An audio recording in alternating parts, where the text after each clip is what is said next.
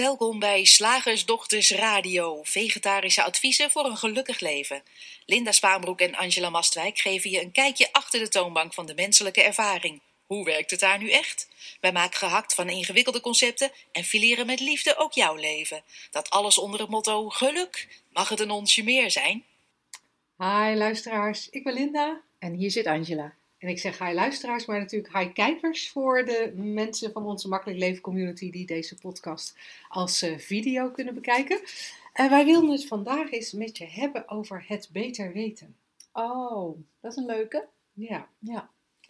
En we hadden het tussen aanhalingstekens gezet, een beetje onder het mom van, um, je, je, kan er op allerlei verschillende manieren naar kijken. Naar dat Ja. beter weten of het beter weten. Uh, je zou beter moeten weten, of wat je ook vaak hoort, zij zouden toch beter moeten weten. Ja, ja of ik. Ja, of ik zou beter moeten weten. En we, we horen het vaak, we zeggen het en soms wel in een variant daarvan. Ja, maar ik weet het gewoon beter dan jij. Ja. Ik bedoel, jij hebt die vaatwasser nou wel op deze manier ingericht, maar ik weet beter hoe je dat doet. Op jouw manier wordt dit niet schoon. En wij vroegen ons af, ja, wat zeggen we nou eigenlijk als we zo'n uitspraak doen? Want vanuit ons gezien is die eigenlijk een beetje raar, deze Ja, uitspraak. ja hij, is, hij is interessant en raar. En, en er kwam ook nog in mij op dat we ook wel eens eh, zeggen over iemand, oh dat is zo'n bedweter, die denkt altijd dat hij het beter weet. Dat is misschien Ja. ook nog wel een herkenbare voor, eh, voor, voor degene die dit horen. Maar die hebben we niet in ons boek, hè, de bedweter. Nee, ik geloof het niet. Ik weet het niet zeker. Nee, nee, voor de mensen die het boek niet gelezen hebben in ons boek, het mag ook makkelijk eh, beschrijven. We, ja, delen we eigenlijk inzichten in de drie principes aan de hand van een aantal typetjes die bij onze ouders in de winkel kwamen. Eh, dus eh, we hebben de econoom en we hebben de spiritueel fascist. En, De peuterpuber. en, en daar had de bedweter eigenlijk heel goed bij gekund. Maar die zit Ja. er niet bij. Nee. Misschien voor boek 2. Ehm, ja, bedweters. Misschien, misschien, misschien zijn we eigenlijk in het grote geheel allemaal wel bedweters. Want hoe vaak is het niet dat er iets eh, eh, gebeurt? Ehm, het kan van alles zijn, hè? Het stoplicht gaat op rood als je aankomt rijden. Je vindt dat het even groen had moeten blijven. Ja, want ik hou namelijk exact de snelheid, de ad- geadviseerde snelheid aan waarmee ik een groene golf zou moeten hebben. Dat schijnt dan in sommige, of misschien wel alle, ik weet het niet, gemeentes te zijn. Dat, dat als je een bepaalde snelheid aanhoudt, dat je een groene golf hebt. En nou zit hij op rood. Ja, dus dat, dat klopt niet. Nee. Eh, ik was trouwens op vakantie en eh, toen was het dus geen mooi weer, hè, terwijl ik in Turkije was. Nou, persoonlijk vind ik het een stuk beter als het wel mooi weer is als ik in Turkije ben. En ik weet wat voor weer het in Turkije moet zijn eh, rond dit, eh, rond dit dat, ja, dat tijdstip. heb ik ook opgezocht op internet. ja, Dus Ja, houdt het zich weer niet aan een gemiddelde. Ik weet ook, en, en soms kan het ook zijn dat het, eh, dat het gaat om iets van kennis over een bepaald onderwerp. Ja, als je het even heel simpel bekijkt, dat we denken, ervan uitgaan of ervan overtuigd zijn dat wat wij weten over een bepaald onderwerp, dat dat sowieso betere kennis is, of nieuwere kennis, Mhm. of uitgebreidere kennis, of diepere kennis over dit specifieke onderwerp dan een ander. Ik, ik noem maar iets als, ehm, ehm, nou het klimaat, er is natuurlijk heel veel over te doen. ja, En je zie je ah, vanuit allerlei hoeken komen wetenschappers. En de een zegt dit en de ander zegt dat. En die noemt weer een, een andere oorzaak, een, een andere oplossing. En, en we gaan er eigenlijk allemaal van uit dat misschien de wetenschappers zelf, dat, dat, dat eh, elke wetenschapper denkt van zichzelf dat hij het het beste weet. Want anders zou hij dat niet communiceren. En wij als toehoorders denken dan ook dat wij moeten besluiten wie er gelijk heeft. Dus wie, wie het het beste weet. Dat is interessant. Ja er, is, er is blijkbaar een soort behoefte aan het Ja. ultieme antwoord. Aan de zo. waarheid. Ja, de ultieme, oh, dat is nog Ja. mooi, de ultieme waarheid. Ja, En ja, ja, daar zijn we eigenlijk wel naar op zoek. Want dat, dat klinkt ook heel veilig. En voordat we daarheen gaan, want dan gaan we eigenlijk al heel ehm, ehm, ja, best wel ver in wat is, wat is waarheid. Dat is natuurlijk een hele interessante Mhm. vraag. En kun je dat weten? En wat Mhm. valt daarover te weten? Maar ik, ik wou nog even een voorbeeldje in de, in de groep gooien. Ja. In onze luisteraarsgroep gooien. Bijvoorbeeld, wat ik heel duidelijk gezien heb, is over kinderen. Over je eigen kinderen. Ja. Ehm, ik heb eh, veel gesprekken gehad met ouders waarvan de kinderen een, ehm, nou ja, een label hadden of ehm, een gedrag, een bepaald gedrag vertoonden of weet ik veel. Waar deskundigen dan ook veel over te zeggen of te vertellen hadden.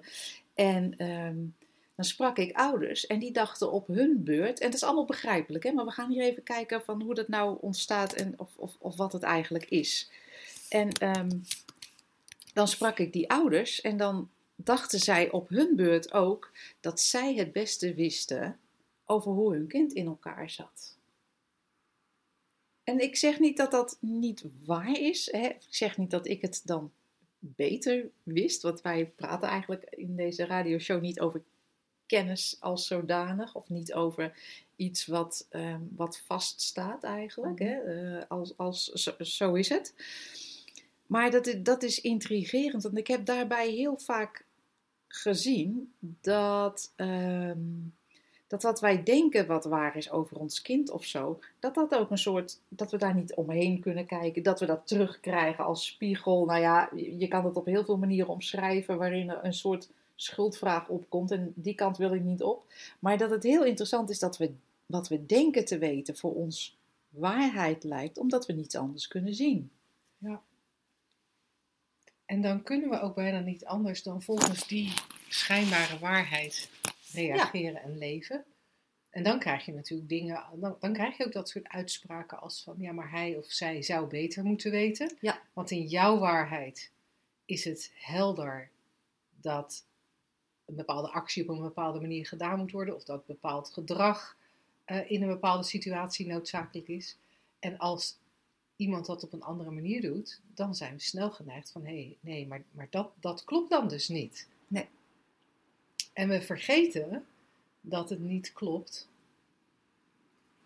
via volgens, het, volgens de, de bril die wij op dat moment op hebben, maar dat het, niet een, dat het nooit een ultieme waarheid kan zijn. En eigenlijk, en ik weet niet of ik daar nu al naartoe mag, of dat we dan te vroeg zijn. Dat kan ons het schelen, we kunnen altijd nog terug, Linda. Maar zoals wij er vanuit die drie principes naar kijken, is, is, er, is er in de vorm is er nooit een waarheid. En de vorm, dan bedoelen we eigenlijk alles wat we waarnemen, alles wat we denken, alles wat we ervaren. Eh, ja, gewoon het leven dat wij leven. Daar is, daar is eigenlijk nooit iets onomstotelijk waar. Sta daar even bij stil, zou ik willen zeggen. Dus alles wat waargenomen kan worden, is niet waar. waar wel waargenomen, maar niet waar. En dat gaat heel ver, hè? Want jij noemt een aantal dingen.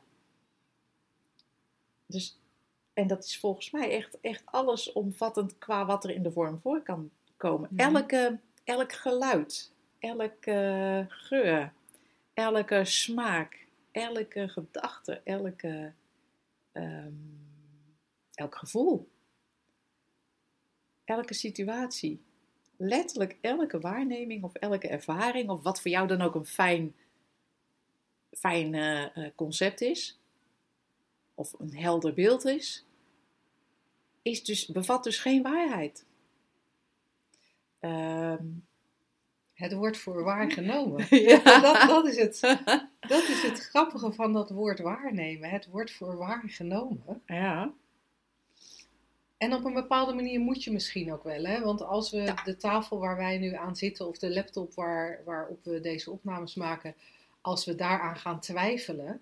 Ja, maar is dit wel echt een tafel? Is die er wel? Weten we zeker dat die van hout is? Weten we zeker dat het een tafel is? Dan wordt het leven natuurlijk onwijs lastig. Ja. Tegelijkertijd, als het over minder tastbare zaken gaat.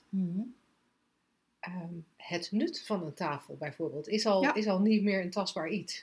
En wij zeggen dan altijd graag, als het niet bij ons op het hakblok past, als je het niet bij ons op het hakblok kan leggen, omdat het gewoon niet iets tastbaar fysieks is, dan, en dan hebben we het niet over de omvang, we willen best een groter hakblok voor je aanschaffen als je een, iets heel groots bij ons op het hakblok wil zeggen. De wil leggen. aarde.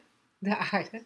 Maar, het- maar, maar alles wat niet dermate fysiek is dat het op een hakblok past, daar, daar is geen waar, geen waar of geen waarheid Nee. in. Daar, daar, daar zien we altijd alles door het filter van ons eigen denken Mhm. en het filter van ons eigen bewustzijn. We kunnen gewoon niet ervaren zonder dat filter. Elke ervaring die we hebben komt tot stand door denken in bewustzijn.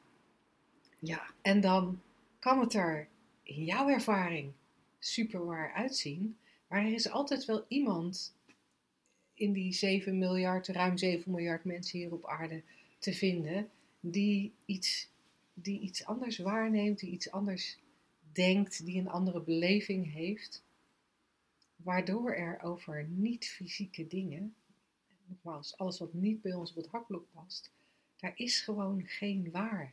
nee. En het, het, je zei al terecht van, van ja, hè, sommige dingen is het dus handig om waar te nemen dat je, dat je of, of als, als waar te beschouwen, de weg van hier naar daar, dat, eh, nou ja, dat de kortste route is via de A28, ik noem maar wat. En dat is wel handig om als waar aan te nemen, want dan sta je elke keer ergens en je denkt, hoe kom Ja. ik in hemelsnaam van A naar B? Dus, dus echt, echt tastbare dingen, want zo'n weg kan je ook op een enorm hakblok leggen. En, ehm, en het lijkt vaak ook, en, en daar komt misschien ook het, het, ehm, een, aspect van dat ik weet het beter uit voort. Eh, het, maar het lijkt ook zo alsof bijvoorbeeld wetenschap ehm, eh, waarheid bevat. Omdat we namelijk dingen kunnen bewijzen. Mhm. Is leuk, hè? Die is leuk, hè? En ik zie het toch? Ja. Ik zie het toch? En jij hebt natuurlijk wel eh, onderzoek, wetenschappelijk onderzoek ook gedaan. Nou was het wel een, een onderwerp wat niet op het hakblok Nee, nee, nee, nee, nee. Dat, dat Nee, was- maar als je ja. bijvoorbeeld ehm, kijkt naar wetenschap over materie. Hè? Ja. Als we het over iets tastbaars hebben, materie, die tafel waar we het over hadden, zelfs die tafel. Ehm, de, de, de wetenschap waar die nu staat, de, de natuurkunde, die gaat over materie, die is eigenlijk al zover, of tenminste bepaalde stromingen daarin, of bepaalde eh, ehm, takken daarvan, dat die zeggen van, oh maar wacht even, als je dus inzoomt op die tafel en inzoomt en inzoomt en inzoomt en inzoomt en inzoomt, oh dan is er eigenlijk, blijft er lege ruimte over. En dat geldt ook voor bijvoorbeeld het lichaam. Ja. Dat is ook materie en zo, zo vast als wat. En toch in kwantumfysica eh, bijvoorbeeld, als je, dan, dan, als je gaat kijken van waar bestaat dat lichaam uit? Ja, nee, maar uit, uit, dus kunnen we in eerste instantie zeggen van nee, maar uit organen en spieren en botten en vel. Maar als we daarop inzoomen en inzoomen en inzoomen en er heel dicht naartoe gaan, dan blijft er eigenlijk ook alleen maar lege ruimte over. Ja. En dat geeft al een soort aan. Dat, Ja. dat is een, een, ja, echt een aanwijzing eh, van de richting waar wij dan in kijken. Of wat, wat Linda net eigenlijk uitlegt, van dat er in de vorm geen waarheid zit. Nee. En, en, en dan wil ik heel graag toch weer even terug naar wat ik Ja. daar straks al aanstipte. Als, als dat zo is, Hm, dat er, dat er hè, zelfs natuurkundig al bewezen is, of fysisch bewezen is, welke wetenschap het dan ook precies is, dat, dat er uiteindelijk niks is. Hm. En toch zitten we voortdurend maar, ehm, je hoort het overal om je heen. Je hoeft maar een, een radio- of een tv-programma aan te doen. Je hoeft maar een gesprek in de trein te beluisteren. Je hoeft maar een krant open te slaan. Ehm, we, we weten het beter. hm, En, en we zijn heel erg gespitst op ook daarin gelijk krijgen, ons gelijk halen, ehm, het, het juiste antwoord vinden, want dan is het goed. En ik vermoed dat dat te maken heeft met waar ik er straks al eventjes eh, aan raakte, dat we, dat we, we zoeken een waarheid omdat dat veiligheid geeft, vastigheid geeft. hm. En we zijn blijkbaar voortdurend op, op zoek naar vastigheden. Ja, Omdat het feit dat er geen vastigheid is, dat alles elk moment kan veranderen. Ik bedoel, ja, laten we wel wezen, ik zou hier ter plekke dood neer kunnen vallen. Om maar een verandering te noemen. Ja. En we zitten deze opname te maken op een dag dat het nogal stormt. De boom voor onze kantoorruimte kan eh, op, op ons kantoor vallen. Nou is het wel zo'n stevig gebouw dat ik niet verwacht dat wij daardoor te overlijden komen. Maar dat betekent wel het einde van deze, hè, van deze radio-uitzending op dit moment. Dus, de, dus het, het leven is eigenlijk zo 100% onzeker. Ja.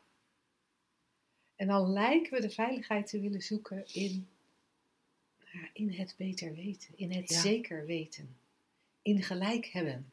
Ja, oh, je gelijk hebben. Dan moet je maar eens kijken waar de meeste discussies op televisie dan ook over gaan. Zegt zij die geen televisie heeft, maar wel apps waarop je dingen terug kan kijken. Ehm, ehm, dat hè, er is iets gebeurd, er is iets voorgevallen. Dan moeten er schuldigen worden, worden gezocht. Eh, ehm, oorzaken. En dan vinden we daar wat van, van nou, er is een, ehm, iets vergeten of eh, iets nagelaten. En dan zeggen we, oh, dat had niet gemogen. Degene die hier verantwoordelijk voor is, had beter moeten weten. En daarmee zoeken we ook een soort, oh ja, als we dan maar eenmaal een schuldige hebben, een oorzaak in de vorm, dan kunnen we, nou ja, met die schuldige, die kunnen we in de gevangenis zetten of die kunnen we flink even door elkaar schudden of zwart maken. Ontslaan. Ontslaan of slaan. Ja, En dan, en dan hebben wij weer een soort voor het, het persoontje, voor het ikje, zo van, oh ja, nou gelukkig, dat is dan maar weer helder. En dat gaat heel ver. hè. Ik zie dan ook bijvoorbeeld, eh, er was laatst weer een herdenking ergens van, en dat had te maken met oorlog. En, en dat we dan denken dat we het zelfs, hoe 60, even denken, 80 jaar, na- 75 jaar na dato, na de Tweede Wereldoorlog, nog moeten gaan kijken hoe en wie en er, hoe erg en, en hoeveel en waarom. En ehm, alleen maar met het, met, omdat we veilig willen zijn en het dat nooit meer voort mag komen. Ja. Maar, maar bereiken we dat daarmee, is de Nou ja, vraag. dat is natuurlijk het interessante. Dat, dat als je kijkt naar hoe het leven tot stand komt. Hè, we, noem- we benoemden dat daar straks eventjes. Er is, er is leven en je beleeft je gedachten. Er is die universele levensenergie. En via denken in bewustzijn ja, hebben wij een menselijke ervaring. Dat is dat, dat denken in bewustzijn is zo veranderlijk Hmm. dat er eigenlijk nooit ehm, veiligheid in te vinden is. Tegelijkertijd, omdat het alleen maar denken in bewustzijn is, is er eigenlijk ook geen onveiligheid te vinden. Die onveiligheid ervaren we wel, Ja. omdat dat bewustzijn zoveel sensaties geeft die, ja, die ons een angstig gevoel geven, of een boos gevoel, of een vervelend gevoel, maar in ieder geval onprettige sensaties. Dus de ervaring van onveiligheid is er wel. Maar in feite is er al die tijd alleen maar het beleven van het denken. Tja, En daaronder, daarachter, daarvoor, daar zit altijd die universele levensenergie waar, waar, waar het allemaal door gevoed wordt, waar het allemaal uit voortkomt. Ja. Hoe je het ook zou willen zeggen. En, en dat wetende, van hé, hey, er is altijd die bron, die universele levensenergie, die, die blijft gaan, ongeacht wat er gebeurt. Die is er altijd. Ja, eigenlijk, wat mij betreft, is dat de enige waarheid die er is, of de enige veiligheid die we hebben, dat die, dat die universele levensenergie er altijd is. En de ervaring die van daaruit gecreëerd wordt, dat wat wij ervaren via dat denken en bewustzijn, ja, echt zo veranderlijk, Hmm. dat daar ook geen beter weten in te vinden is. nee. En tegen beter weten in blijven we daar maar in zoeken. Ja, hij is cool hè. hij, is, hij is echt cool. Nou, ik, ik denk dat we dit onderwerp voor nu moeten Ja. afsluiten. Ehm, het zou een superleuke, als je er nog vragen over zou hebben, om eh, nog eens over door te praten. Dat kan eh, bij de hakblok, hakblok- en toonbanksessies die we twee keer in de maand live doen via de Makkelijk Leven Community. Je mag natuurlijk ook je vragen altijd naar ons sturen via vragen.slagersdochters.nl. Dan behandelen we je vraag een volgende keer in de radioshow. En mocht jij nou een van onze nieuwere luisteraars zijn en bij jezelf denken, ehm, die drie principes, oké, ja, nee, ik hoor het, ja, nee, eh, wat? Ehm, wij hebben op onze website, en dan kun je zowel op shiftacademy.nl als op slagersdochters.nl kijken, eh, hebben wij een gratis e-book ehm, dat, je dat je krijgt als je je inschrijft voor Shift Magazine, wat overigens ook gratis is. En daarin eh, beschrijven we die drie principes eh, nog eens voor je. Dus ehm, als je dat boekje nog niet hebt ontvangen, dat e-boekje nog niet hebt ontvangen, ga dan alsjeblieft even naar slagersdochters.nl of shiftacademy.nl en eh, vraag het aan. Dan weet je daar in ieder geval, eh, nou heb je daar wat meer achtergrond Ja. bij. Gaan wij naar de vraag van vandaag. Zeg, slagersdochters, hoe pak ik die vegaburger? Over naar de luisteraarsvraag. Nou, onze vraag van vandaag is door Leida. We all play Wij horen nu even Sydney. Banks. Ehm, en Leida schrijft: Met veel plezier, plezier luister ik jullie podcast tijdens de lange rit in de auto naar mijn werk. Soms is het heel herkenbaar en soms kan ik er iets minder mee. Recent was ik het boek De kunst van ongelukkig zijn van Dirk Wachter aan het lezen. Hij schrijft dat de zoektocht naar geluk als doel en zin van het leven niet succesvol kan zijn en leidt tot het tegengestelde. In plaats daarvan roept hij op tot engagement. Ja. Zeg je dat Ja, engagement, betrokkenheid. Betrokkenheid met anderen, omdat hij stelt dat dat leidt tot geluk. In wezen is dat volgens mij een verkapt zoeken naar geluk. Zou het zo kunnen zijn dat geluk eigenlijk ook een gedachteconstruct is en dat dit beseffen leidt tot rust, van waaruit vanzelf compassie en betrokkenheid kunnen ontstaan? En niet andersom dus. Hoe staan jullie hier tegenover?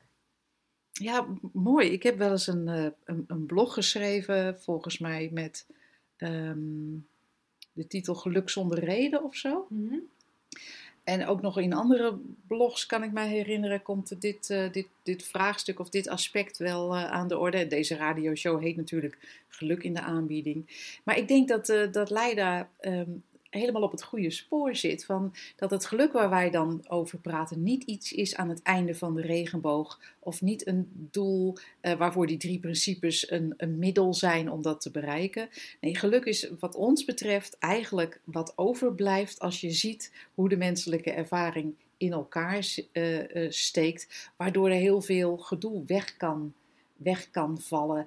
Maar ook eigenlijk het geluk wat, wat midden in elke ervaring zit als, als achtergrond daarvan. Ook midden in verdriet kan er het besef zijn, een soort van, of eigenlijk een soort afwezigheid van, van een, een verhaal. Ik, Ja. ik, ik, ik beschrijf maar even een paar dingen hè, en ik weet niet wat bij Leida aanslaat of welk beeld je fijn vindt. En je kan dit op zoveel manieren beschrijven, Mhm. gelukkig wel, want anders waren we gauw klaar met die podcast. Maar ehm, ehm, het is dus eigenlijk het uitgangspunt wat je al bent voordat je denkt dat je een verhaal, ja, voordat je denkt dat je eigenlijk het verhaal in stand moet houden of dat het verhaal de waarheid is of dat je, Ja. dus het is eigenlijk ons uitgangspunt en niet een doel. Ja, ja wat, wat in mij opkwam als omschrijving, en daarmee Ja. zeg ik hetzelfde wat jij zei hoor, is, is dat ehm, geluk is er en het denken in bewustzijn creëert soms de illusie dat we niet gelukkig zijn. Ja. En, en daarmee zeg ik in feite wat jij ook zegt, hè, van geluk is dat uitgangspunt. Ehm daarnet bij, toen we het thema aan het bespreken waren, eindigden we ook met van, ja, hey, er is die er is die universele levensenergie. En van daaruit, ja, van daaruit is er dat, dat denken in bewustzijn. Misschien zou je zelfs kunnen zeggen dat ook die universele levensenergie uit die. Nou ja, nee, laten we het niet te ingewikkeld maken. Laten we even. laten we even dat wat er altijd is en waar dat denken in bewustzijn uit voortkomt, laten we dat even benoemen als de universele levensenergie. En die is van zichzelf, zo ziet het er althans voor ons uit, daar, daar zit een, een gevoel van absoluut oké.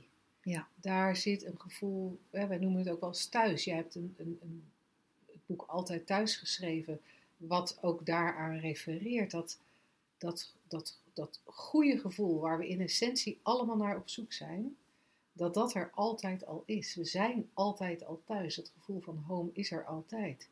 En op de een of andere manier zijn we ergens met z'n allen gaan geloven, en, en, en wordt ons dat denk ik als kind ook bijgebracht, dat er dat, dat geluk iets anders is. Dat geluk het, het juichende dansen op tafels eh, gevoel is. Ja, Of dat, wat ergens aan vast zit ook. Ja, wat te maken heeft met veel alcohol of, of, of vrienden of nou ja, wat, wat dan ook. Maar dat, dat, dat hoort ergens bij. Ehm, soms denk ik ook wel eens dat we geluk associëren met het gevoel dat je hebt als je eh, heel verliefd bent. Dat dat, dat, dat en, maar ook dan wordt het weer gekoppeld aan, aan het object van onze verliefdheid. En, en dat, dat type dingen, ehm, maar ook, ook een soort veiligheid, toch weer die veiligheid. Hè? Mhm. Als alles nou maar even geregeld is, zo, als we denken dat het geregeld moet zijn, dan, dan kunnen we heel even stoppen met denken. Ja. Het is een aanwijzing, hè? Mhm. En dan zeggen we, we zijn gelukkig. Maar het enige wat er dan gebeurt is, dat, dat ligt helemaal niet aan die dingen eromheen. Het, het gevoel van geluk is er als het denken even niet geloofd wordt of, Ja. of er niet is of zo. Ja, of misschien wel met een groeiend eh, besef of een groeiende realisatie van, het, van, van die essentie, van dat, dat je dat geluk bent. Wat, dat, het je, dat het eigenlijk je, ja, je, je, je uitgangspunt Ja. is, je thuis. En ik, terwijl jij aan het kletsen was, Linda, dacht ik van eigenlijk zijn we allemaal gewoon als een, een metafoor en een beeld hoor. eh, eigenlijk allemaal slakken die van alles tegenkomen en maar op zoek zijn naar thuis, terwijl we Terwijl we op ons rug een huisje hebben. En op het moment dat we niet langer zoeken en ons. En, en dan zijn we. Dan is het thuis gewoon Ja, daar. ja. Omdat het altijd al. eh, nou ja, bij de slak op zijn rug, maar bij ons. eh, in ons zat. En dan met in ons, dan bedoel ik niet in ons lijf of in ons hart of in ons. eh, ehm, niet, niet in iets tastbaars, maar als, in, als de bron van, van alles. Ja, en wat dat gaat, hè, als ik even terugkom op de vraag van Leida, Ja. waarin zij eh, het boek van Dirk de Wachter aanhaalt en aangeeft dat hij eh, oproept tot, tot betrokkenheid met anderen, ehm, dat dat leidt tot geluk, dan is daar weer een, een soort eh, tussenstation. En wij hebben dat ook wel eens de middleman genoemd. We hebben Ja. ooit een maandaanbieding eh, gemaakt, die heette Cut Out the Middleman. Eh, die er ook over ging dat je steeds maar weer iets denkt nodig te hebben om dat geluk te bereiken. Er moet altijd een tussenpersoon, hè, als we het hebben over de middelman, altijd een tussenpersoon zijn. En in, in, in deze oproep van Dirk is dat dan heel letterlijk een tussenpersoon. Want als ik betrokken ben met jou, dan word ik gelukkiger. Ja, En Dat, dat houdt ook weer inderdaad zo'n middelman, dus je zou ook kunnen zeggen een voorwaarde in. Want oh, dan is toevallig jouw leven eh, bestaat uit, je ligt in bed en je kan er niet uit omdat je verlamd bent of weet ik veel wat voor een omstandigheid. En, en je kan niemand, nou dan kan je zeggen, kan je bellen en weet ik veel. Maar stel je woont ergens waar dat niet mogelijk is, dan kan, en jij kan niet betrokken zijn bij anderen omdat er geen anderen in je omgeving zijn. Nou, fucked. Sorry, het geluk is voor jou niet weggelegd. Je moet de wereld in en betrokken raken bij anderen. En waar wij het over hebben, gaat eigenlijk weer één stap verder of één stap terug. Net hoe je het wil zien. Ehm, dat is een, een wetmatigheid eigenlijk van, van ehm, een, een verwijzing naar wie iedereen en wat alles in essentie al is. Dat geluk. En dat heeft zelfs geen andere nodig. Want sterker nog, ik moest ook ineens denken, eh, terwijl jij dat zei, aan een, een, een, een uitspraak van een Indiase goeroe. Ik weet niet eens meer of het nou Krishnamurti of een van die andere ingewikkelde namen eh, was of is. Ehm, die kreeg ooit de vraag gesteld van, maar hoe doe je dat dan met, met anderen? En toen zei hij, er zijn geen anderen. En, en dat wil ik even aanhalen, niet om, om een soort van, oh, er zijn geen anderen en, en dat op afstand te houden. Maar als je gewoon goed kijkt van wie je nou in, in essentie bent, en dat geluk, dat is allesomvattend en, heeft, en, en ziet eigenlijk de ander ook als daarin. Of als jezelf of als onderdeel van, van dat. En ehm, het, is, het is de ultieme betrokkenheid en tegelijkertijd ehm, ehm, het, het besef dat ook de ander een eh, ervaring is vanuit die bron. Ja. Ja. Ja, en als dat ingewikkeld klinkt, want dat kan zomaar ingewikkeld lijken, moet je gewoon even langskomen. ja. ja, we hebben binnenkort 6 maart hebben we een shiftdag. Die gaat Ja. over rust en ruimte. Ehm superleuk als je erbij zou kunnen zijn. Op eh, www.shiftacademy.nl schuine training eh, vind je al onze trainingen op locatie, waaronder eh, de shiftdag van 6 maart. Hmm, Het laatste onderdeel. Woensdag, gehaktdag. Zeg slagersdochters, welk concept gaat er vandaag door de molen? Wij gaan nog even door met Leida, want Leida had behalve haar vraag, zei ze, eh, gaf ze aan van ik heb misschien ook nog een leuk concept voor het, eh, voor het hakblok, als dat nog niet eh, al eerder behandeld is. En zij beschreef het als ergens niet voor geboren zijn, of juist, hè, met niet tussen haakjes, ergens voor geboren zijn. En Leida geeft ook aan van je hoort dit in diverse contexten. Bijvoorbeeld, wij mensen zijn niet geboren om marathonafstanden te rennen. Ehm, wij zijn geboren als alleseter. Ik ben niet geboren om te zorgen. Hij heeft echt talent voor muziek. Is hij- voor muziek, daar is hij voor geboren. Wauw. dat is Leuk, hè? Ja, dat is echt heel leuk. Dat we, dat, dat we ervan uitgaan van, oh ja, wij zijn dit biologische systeem met genen. En, en door die genen is er ook bijvoorbeeld aanleg en talent. En ervan uitgaand dat wij dit biologische, eh, ja, hompje vlees zijn. dit mens zijn. eh, eh, met, met, met bepaalde eigenschappen, met strengths and weaknesses, om het mooi, zo mooi Engels eh, uit te drukken. Of op z'n op slagersdochters, met je, met je sterke en je zwakke punten. Ehm, als je daarvan uitgaat, als dat je uitgangspunt is, als je dat als waar aanneemt, ja, dan zou je kunnen zeggen: we zijn hier niet voor geboren en daar wel voor geboren. En ja, even kijken, hoe, hoe werkt dat biologisch met dit, dit spijsverteringssysteem? Nou, daar gaan we dan wetenschappelijk onderzoek naar doen. En dan zegt de ene wetenschapper, nou, dat is echt, echt zodanig geëvolueerd dat we, eh, dat we alles eten zijn. En de ander zegt, ja, nee, dat is eigenlijk, eigenlijk moeten we terug naar de paleo-tijd. eh, eh, waarin je dus ehm, voornamelijk eiwitten eet, vlees en, eh, en, en dierlijke, dierlijke producten. En een andere wetenschapper kijkt ernaar en die zegt van, oh nee, nee, nee, nee, nee. Dit is, eh, je kan ook heel makkelijk gewoon volledig plantaardig gevoed worden als mens. Maar het grappige is dat het alle, welke eh, conclusie je ook trekt, het gaat allemaal uit van het uitgangspunt dat wij dit biologische vleespakje, aardepakje zijn. En wij hebben net een ander uitgangspunt. Ja, Ja. Wat het tegelijkertijd heel simpel maakt. Wij gaan er gewoon eigenlijk vanuit dat je niet dit. De ervaring is natuurlijk wel het aardepakje met voorkeuren en afkeuren. En misschien, weet je, in het ene systeem valt vlees prima en, en het- ander denkt. "Bleh." En, en de een heeft een talent en de ander niet. En dat kan allemaal op dat niveau ook waar zijn. En hartstikke leuk mee gespeeld en gevarieerd worden. Why not? Ja. Maar wij zeggen eigenlijk, eigenlijk zeggen wij, je bent niet geboren. ja. En dat klinkt een beetje heel zweverig en, en raar. Maar laten we het houden op het uitgangspunt van wie, wie ben je? Nou, daar hebben we het net eigenlijk al over gehad. Hè? Dat, eh, wat je dus ook geluk zou kunnen noemen.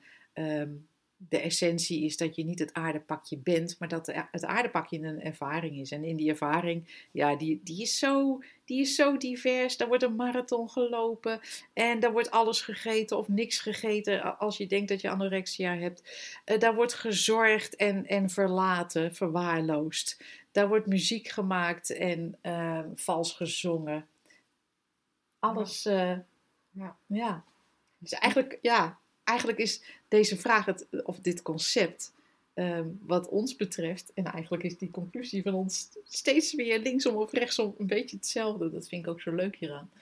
Ehm, ja, dat, dat klopt als je, van, als je vanuit een, wat ons betreft, verkeerde aanname de vraag stelt dat jij dat biologische verschijnsel bent. Ja. Ja. Ja, en zelfs als je dat te ver vindt gaan, Ja, hou het even gewoon simpel. kan je in de vorm, kan je dit concept ook nog zelfs gewoon ehm, vermalen. vermalen. Doe eens. Nou, omdat als, eh, als het gaat om ergens niet voor geboren zijn of ergens wel voor geboren zijn, dan ga je ervan uit dat er een, aanle dat er een aanleg is Mhm. waar je mee geboren wordt, Mhm. die dan eh, een soort van onveranderlijk zou zijn. Ja. Maar daarvan zie je al dat het niet klopt, omdat er uit weten, in de vorm, in wetenschappelijk onderwijs, Ja. eh, onderzoek bewezen is, Mhm. hè, tussen aanhalingstekens, hè, want we Ja. hebben het natuurlijk net al daarover gehad.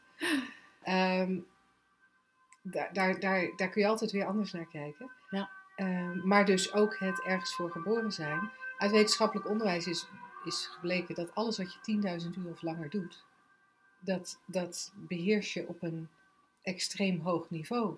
Oh, wat geinig zeg, 10.000 uur. Ja, dat Ja. zeggen ze. Ja. En, en kijk eens naar een tak van eh, wetenschap als epigenetica.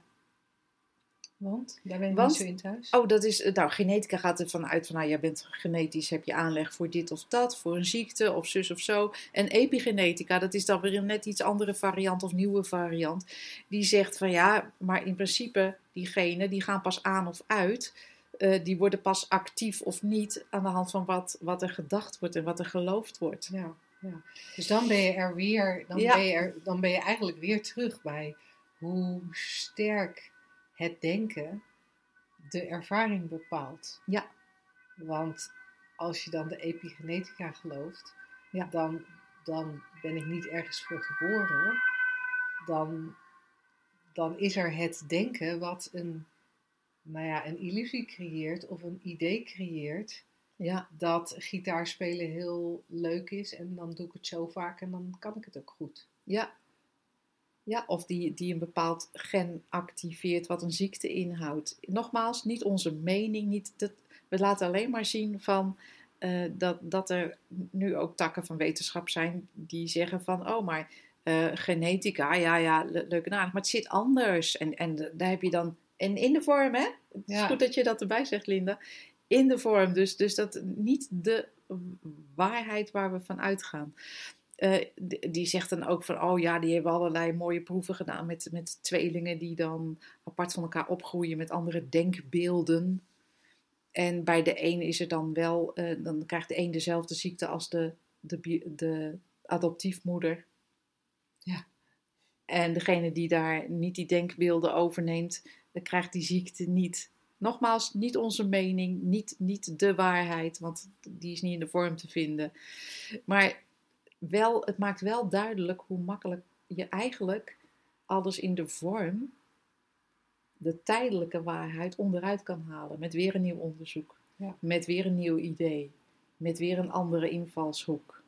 En dat zie je eigenlijk ook, ook steeds gebeuren. Hè? Ja. Er, er, de zwaartekracht is inmiddels ook al onderuit gehaald als, Ja. een, als een kloppend gegeven, terwijl we toch echt lang hebben gedacht. En als we daar, al- in, in onze ervaring is het ook gewoon waar, die zwaartekracht. Ja, we hebben heel lang gedacht dat die waar is. Maar blijkbaar is, de- is ook daar qua onderzoek weer iets nieuws eh, bedacht. En daar zie je, en dan, dan komen we eigenlijk weer aan het begin van deze uitzending over het beter weten. Daar zie je ook weer aan hoe weinig zinvol het eigenlijk is. En ik zou zelfs willen zeggen wat een energieverspilling het is. Om in de vorm de waarheid te willen nastreven. Of het juiste te willen doen. Of het beste te willen doen. Of het beste te weten. Of het beter Ja. te weten. Het is zo. Ja, voor mij ziet het er dan eigenlijk heel zinloos uit om dat te doen. En dan kan ik me voorstellen dat er nu luisteraars die zijn die daarvan in een soort, in een soort hele onheimische staat terechtkomen. Van oh, maar het is allemaal zinloos. Ja, En dat dan zien als, oh, dan heeft het hele leven geen zin. Wij kijken daar liever, wij, wij kijken daar meer tegenaan van, oh, maar Oh. als het allemaal zonder specifieke reden is, dan is het dus één grote speeltuin. ja en, dan, en dan kan je, weet ik veel, eh, een, een nieuwe wetenschap als epigenetica verzinnen. En dan kan je dus, dan is dus ook alles mogelijk. Want het is... En dan kan je dus ook denken, ik ben geboren voor het toneel. Ja. Ik ga het toneel op. Tada, daar sta je. En niks van, oh, dat zou ik niet kunnen of weet ik veel. Nee, dan, is, dan ligt dus ook alles open, omdat alles voortkomt uit ja, denken in bewustzijn wat zo vloeibaar is als de pest. Dan is dus ook alles mogelijk en is ook, ja, ja, het, het, het- we zeggen ook wel eens, dan is het de potentie ook oneindig van, ook zelfs in het menselijk bestaan. Want wij kennen daar de grenzen helemaal niet van. Misschien zweven wij binnenkort wel. Ja, Boven ziet- Soest. ja, Weet en- jij veel? Ja, ja en, en dat zie je natuurlijk ook. Ik heb daar overigens nog niet voor geoefend.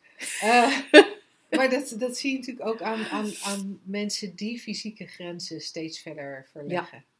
Eh, en, en of dat nou gaat om artsen die, die tegenwoordig hele harten van het ene lijf in het andere kunnen Mm. zetten. Wat wij natuurlijk honderd jaar geleden voor onmogelijk hielden. Ja, Eh, maar, maar ook ehm, eh, iemand zoals die Iceman, die ik weet niet hoe lang in ijskoud water kan verblijven. Mensen die 15 minuten onder water kunnen zonder adem te halen.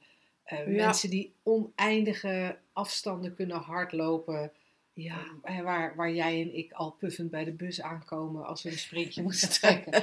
Je? Ja, of wat dacht je van techniek? Ik zag laatst een filmpje van een, een kunstarm. En die werd op afstand bediend door het brein van Ja. degene zonder arm. Ik bedoel, dat Ja. hadden wij honderd jaar Nee. geleden ook nooit, nooit geloofd dat dat mogelijk was. Nee. Dus de grenzen van, van het lichamelijke, de grenzen van de vorm, zijn echt. eh, ja, die lijken Ja. er niet te zijn. Nee, nee. Omdat het namelijk steeds dezelfde ehm, ja, illusie, maar dat vinden heel veel mensen een vervelend woord. Ja, ja. Om, omdat het niet waarheid, niet vast is, niet waar is. Maar wel tijdelijk een enorm prachtig verschijnsel kan zijn. ja. Tenminste, dat vinden wij dan. Nou, daarmee zijn we aan het einde van deze uitzending. Ehm, mede mogelijk gemaakt door Leida, die zowel de vraag als het concept had ingebracht. Dankjewel, ja, Leida. Dankjewel. En ehm, nou, wie weet eh, zien we je op 6 maart hier in Soest. Zo niet, dan heel graag in elk geval tot de volgende podcast. Tot dan.